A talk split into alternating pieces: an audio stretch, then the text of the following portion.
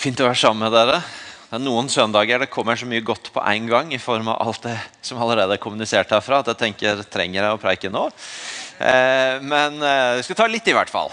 Eh, lørdag 23.6 var jeg hos mine foreldre i Tvedestrand. Eh, hadde rydda pulten, kontoret, gått på sommerferie, pakka koffertene, tatt med barna. Og vi eh, var et par dager unna å sette retning for sommerferie i Frankrike. Ute på ettermiddagen der så eh, Det var jo fotball-VM, og det var et eller annet jeg lurte på med hva som foregikk der. Så jeg var inne og sjekka nettet og eh, fant ut det jeg skulle finne ut om fotball-VM. Og skudde av telefonen igjen.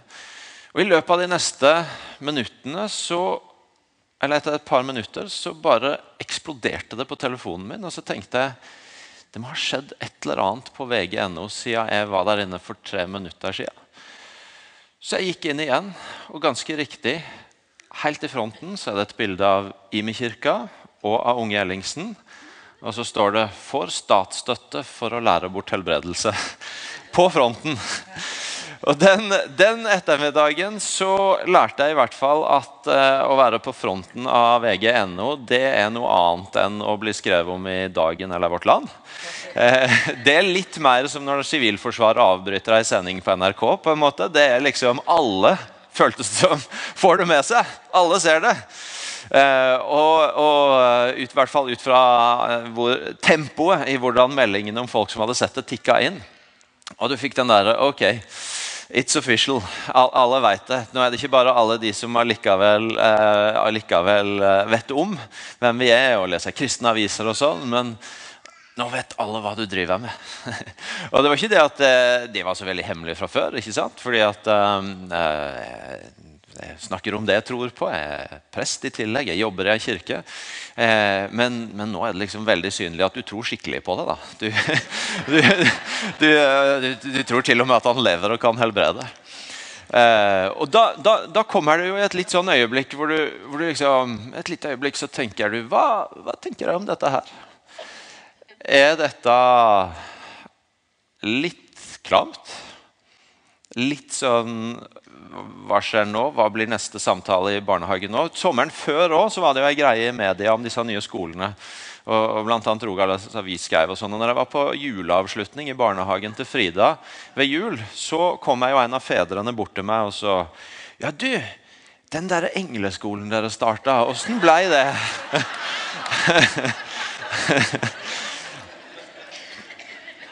så det var ikke helt ukjent. Men er det, er det litt klamt? Eller er det en mulighet? Er dette litt sånn wow, kult? Tenk, nå, ser, nå er det mange som ser hva jeg holder på med. Nå vet de jo at jeg tror at Gud kan helbrede. Kanskje, de, kanskje det blir lettere å få be for de neste gang. Er dette litt sånn krympe seg? Eller er det oi, stilig? For en mulighet. Og Kanskje er det ikke hverdagen verken for meg eller for dere at ting blir outa på VG.no-fronten. Men kanskje kan de fleste av oss relatere til at vi innimellom kommer i situasjoner på jobb, i nabolag, i familie, hvor vi står ved den der skilleveien eller det valget. Er dette en situasjon jeg har lyst til å komme meg litt ut av?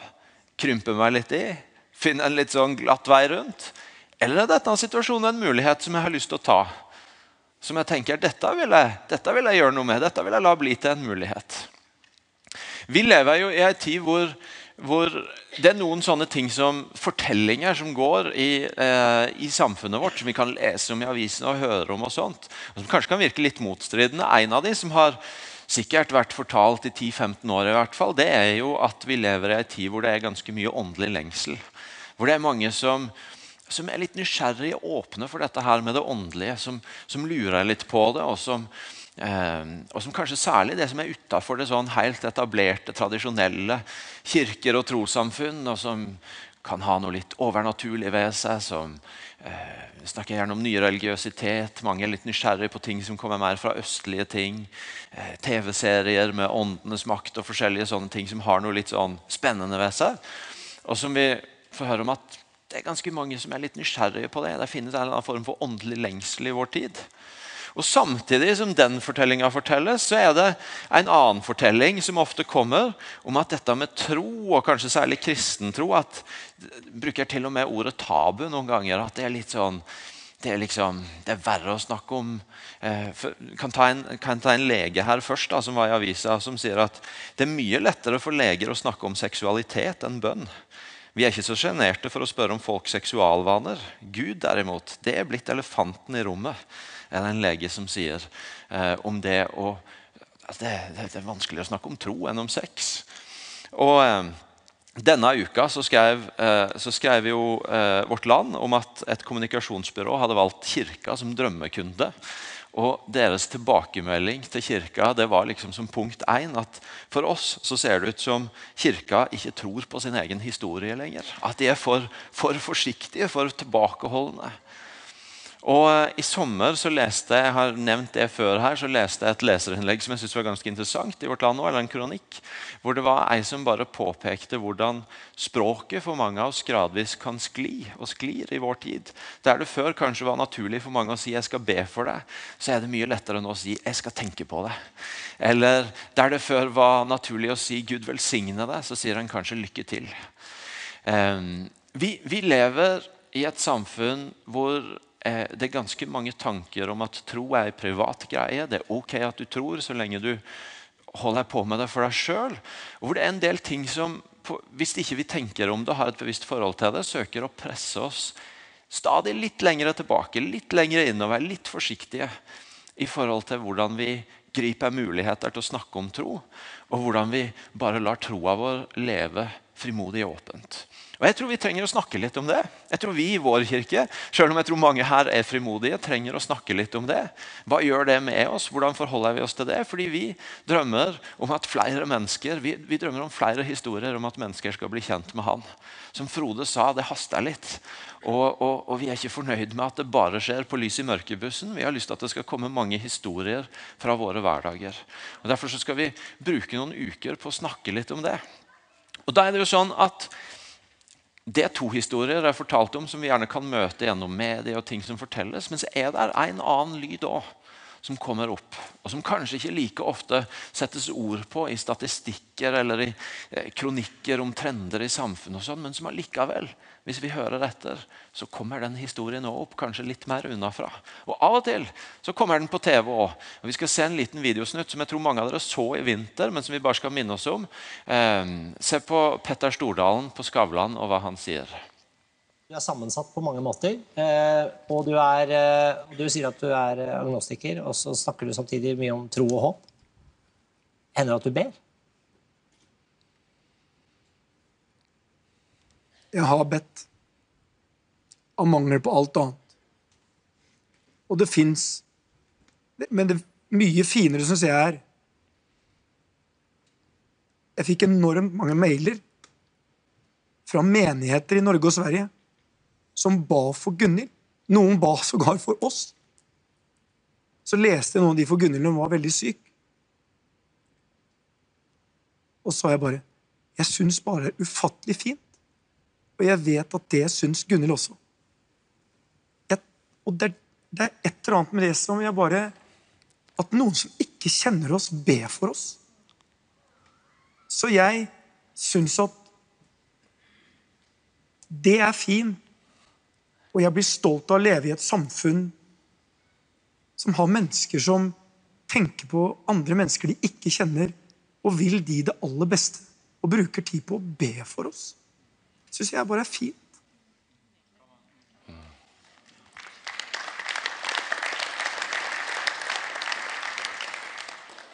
En litt annen historie som, som også kommer opp, om at denne her troa som noen historier forsøker å fortelle oss at er tabu eller er annerledes enn sånn. Ja, men den er jo også til velsignelse for folk.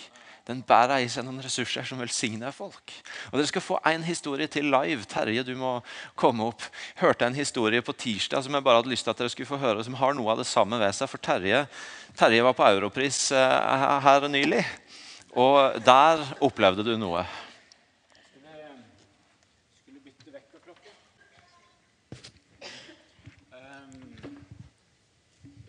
Bytte mikrofon òg.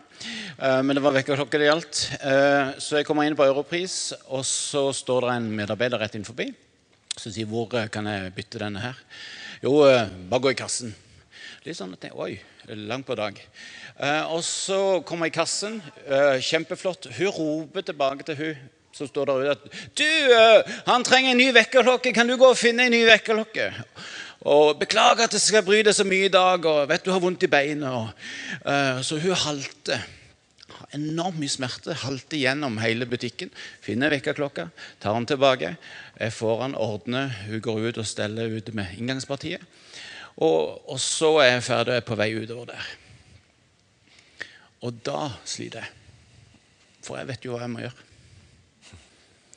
Og hele prosessen av ikke vær til bry, ikke drit deg ut nå altså Alt dette her kom.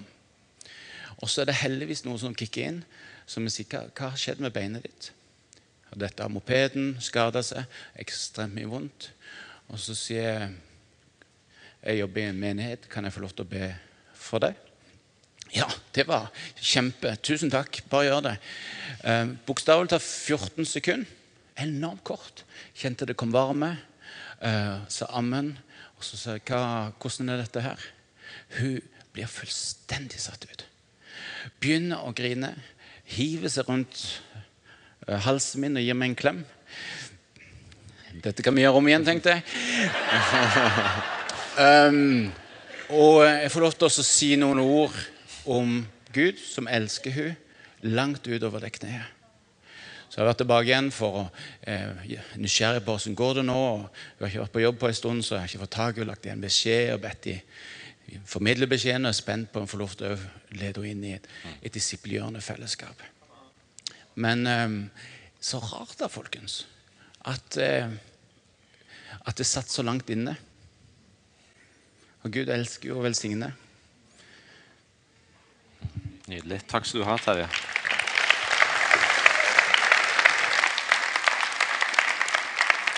Det første spørsmålet jeg har lyst til å stille deg og stille oss, det er hvilke historier er det du forteller deg sjøl om troa di? Er- det noe litt rart, noe litt tabu, noe folk sikkert ikke er interessert i? Eller forteller du en historie om at jeg bærer noe som kan bli til velsignelse for folk? For det kommer også opp historier om at det er det som skjer. Petter Stordalen forteller det. Terjes historie forteller det. Oi, jeg bærer jo noe som heter velsignelse for andre. Frode sa det så rett fram og greit. Ja, men jeg er jo ikke flau over at jeg er kristen. Jeg er stolt av det. Hvilke historier forteller du deg sjøl?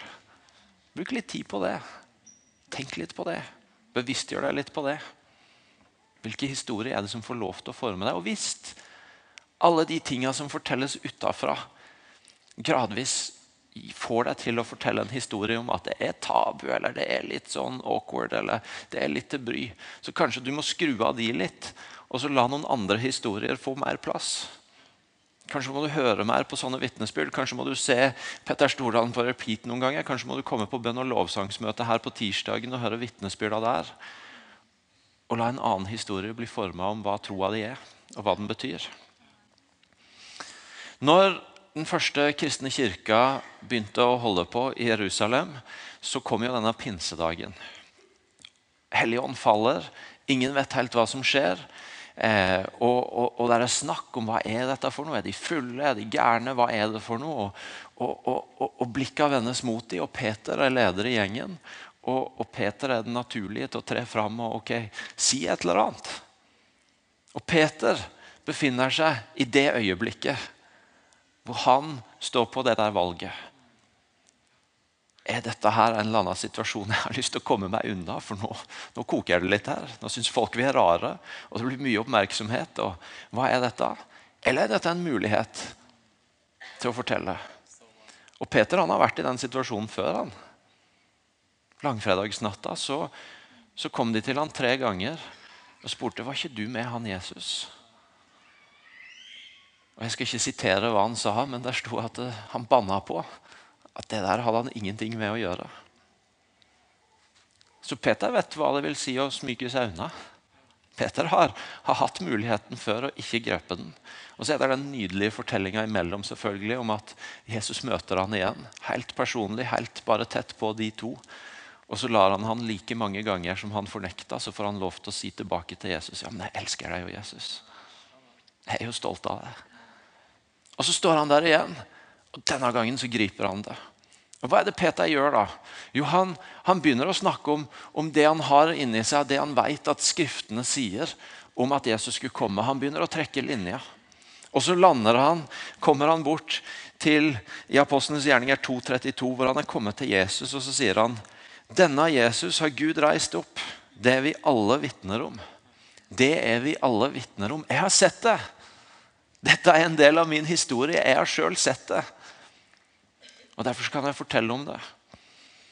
Og I neste kapittel tre så, så opplever Peter og Johannes en helbredelse. og og det blir masse oppmerksomhet rundt det. Og igjen så er Peter i situasjonen nå ser alle på meg. Hva, hva, hva, skal jeg gjøre med den?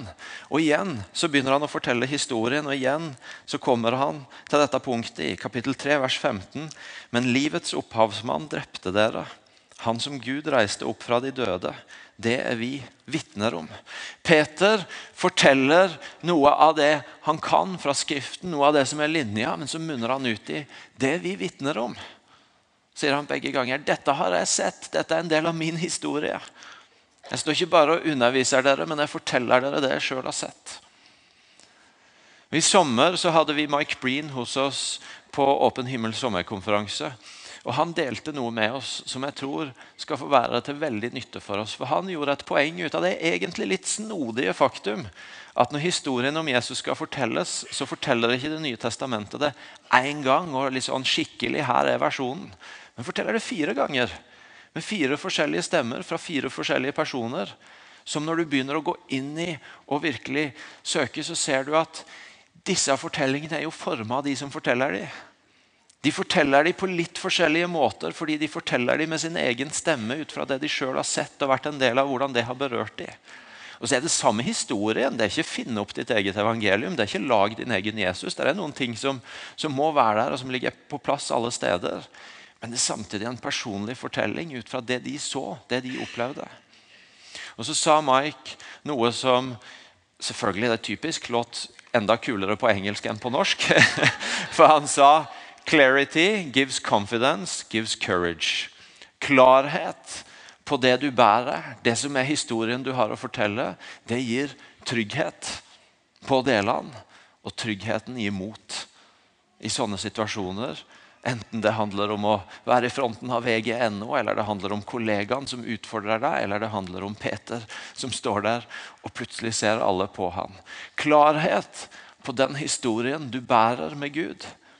Og Det han har gjort, og som du har å fortelle, det gir trygghet på å faktisk gripe fatt i han og dele han når, når, muligheten byr seg. Og den tryggheten det gir mot til å gripe anledningene, og til og med kanskje til å lage anledningene, som du på mange måter kan si at Terje gjorde der hvor han sto. Jeg tror, eller Det andre spørsmålet jeg har lyst til å stille oss når vi begynner disse ukene, det er egentlig hvilken historie har du å fortelle? Hva er det Gud har gjort i ditt liv? Hva er din troshistorie? Og Ta eierskap til den. Ikke bare la den ligge bak deg, men ta eierskap til det Gud har gjort i ditt liv. Det som er din troshistorie. Sånn at du har en klarhet i det som gjør at når de mulighetene byr seg, så handler det ikke om hvordan kan jeg smyge meg ut av dette. Men jeg, jeg har jo en historie å fortelle. Har, Gud har gjort noe i mitt liv som jeg kan bringe videre. Salme 103 sier det så bra. Glem ikke alt det gode han gjør. Glem ikke alt det gode han gjør i livet ditt. Glem ikke. Vi, vi glemmer ganske lett ofte det Gud gjør. Det Gud har gjort i livet vårt. Vi gleder oss over det, vi tar det imot, og så går vi videre til nye ting. Og så lever de fleste av oss i en sånn dobbelthet av at vi har ting å feire, og vi har ting som utfordrer oss. Og så er det veldig lett å glemme det gode, fordi vi har blikket vårt på alt det andre som skulle vært løst. Jeg vet det som pastor, som hver uke får sitte og høre fantastiske historier om det Gud gjør. fordi det, det, er noe av det vi gjør på stab, det å dele vitnesbyrd. Men så fylles også mailboksen og SMS-en og telefonen min opp av ting som skulle vært løst. Og så er det en konstant utfordring på ja, men hva, hva får fokuset mitt? Hvor det er så lett å glemme det gode, det jeg har å fortelle om, det som gjør meg begeistra, det, det, som jeg kan gripe fatt i når jeg kommer i situasjoner for å ha en mulighet til å dele. Jeg sier det at det, Innimellom så får jeg spørsmålet fra, fra, folk ja, går alt bra i IMI. Da? Og da svarer jeg alltid nei. Fordi at det går jo aldri bare bra. Det er jo alltid disse parallelle tingene ved siden av hverandre. Og Sånn er det i våre liv, og de fleste av dere er heldigvis ikke pastorer. Men dere lever i andre virkeligheter. Men, men, men det gjelder jo det samme for oss alle. at Glem ikke. Glem ikke det han har gjort. Du gleder deg over det nå, og så kommer hverdagen i morgen. Og så er det så lett at de andre tinga får forme historien din. Men så trenger du å holde fast i å eie det han har gjort. Sånn at det er en historie du har å fortelle. Glem ikke alt. Alt står der. Det er så lett for oss å legge lista for høyt på hva det er vi kan fortelle, hva som er verdt å fortelle, hva som kunne være en historie. Vi er forskjellige bakgrunner her innenfra. Jeg har alltid vokst opp i kristne miljø og eh, alltid på en måte vært i den settinga. Det betyr at jeg har hatt en del av oppveksten min på leir, hvor det var disse her vitnekveldene. Og, og, og, hvor jeg har sittet som sikkert noen av dere andre og tenkt tenk om jeg bare hadde den historien å fortelle. Det vitnesbyrdet å fortelle. Følte meg så nøytral og ordinær, fordi jeg har jo alltid vært kristen. Og mamma og pappa har vært kristne, og de er ganske greie. og, og, Tenk om jeg bare hadde den historien der. Tenk om jeg bare hadde stjålet litt eller drukket litt eller et eller annet, og så kommet på plass. Det hadde vært mer å by på. I tillegg så, så det jo ut til at det var litt attraktivt for jentene.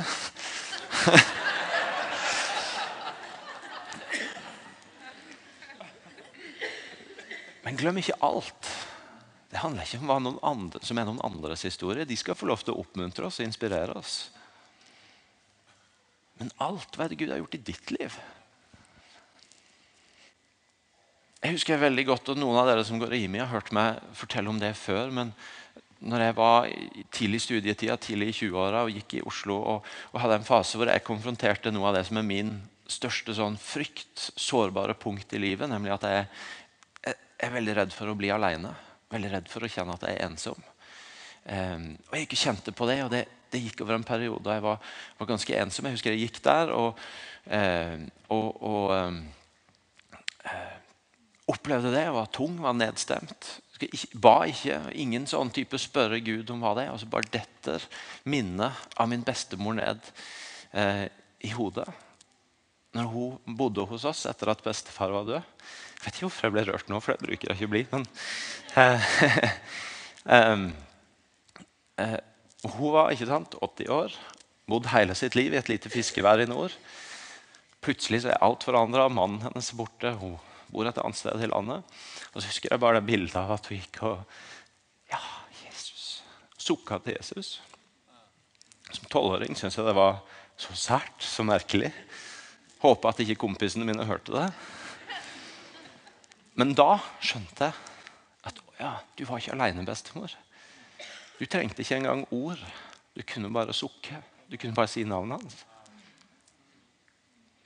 Og Så leda han til Salme 139, hvor det står om han som vet alt vi tenker, vi sjøl tenker det. Og så har det blitt en sånn perle i mitt liv. Som en del av min historie. Som jeg ikke, syns fortsatt ikke det er like kult som hvis jeg hadde drukket og stjålet litt og så kommet til Jesus.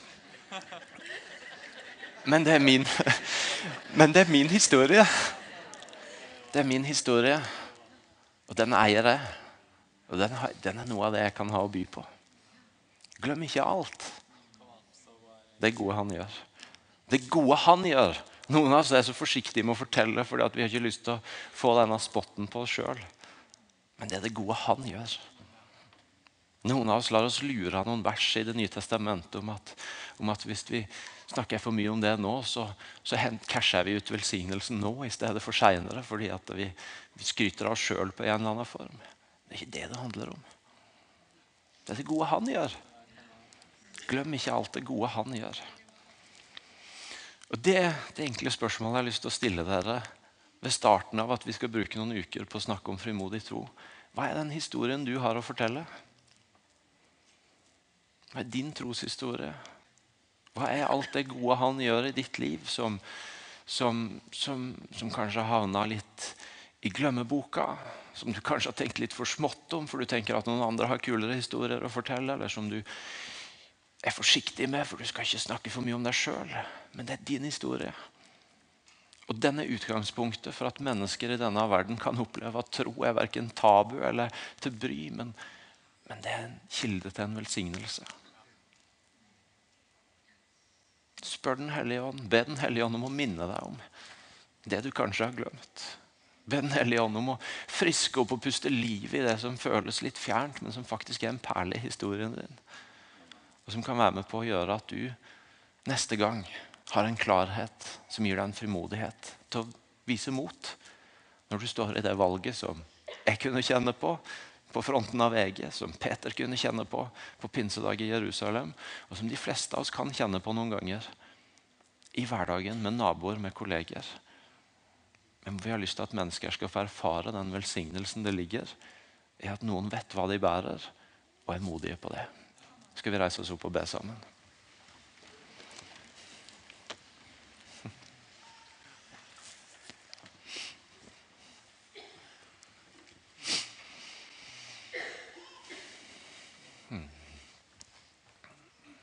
Hellige Ånd, kom og minn oss om det gode du gjør og har gjort i den enkeltes liv.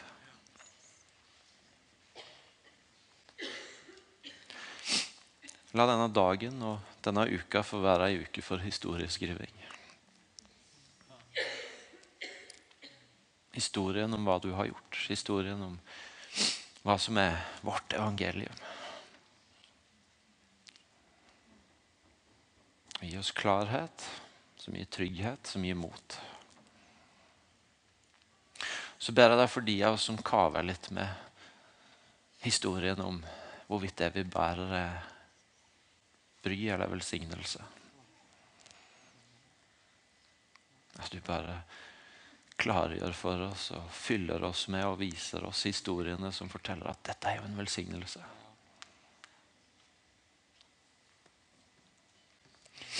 Så vet vi Hellige Ånd, at det siste som er på din agenda, det er å fylle oss med skam over mulighetene vi ikke greip. Så hvis noen her bærer på det, så Hellige Ånd, bare kom og bryt det. La de få erfare som Peter at i stedet så får de bare i den lovsangen vi skal synge nå, bekjenne tilbake at ja, men du vet jo at jeg elsker deg, Jesus. Og så kommer det nye sjanser. Og da, Hellige Ånd, ber vi om at du minner oss og taler til oss. og hjelper oss til å eie vår historie om det du gjør og har gjort.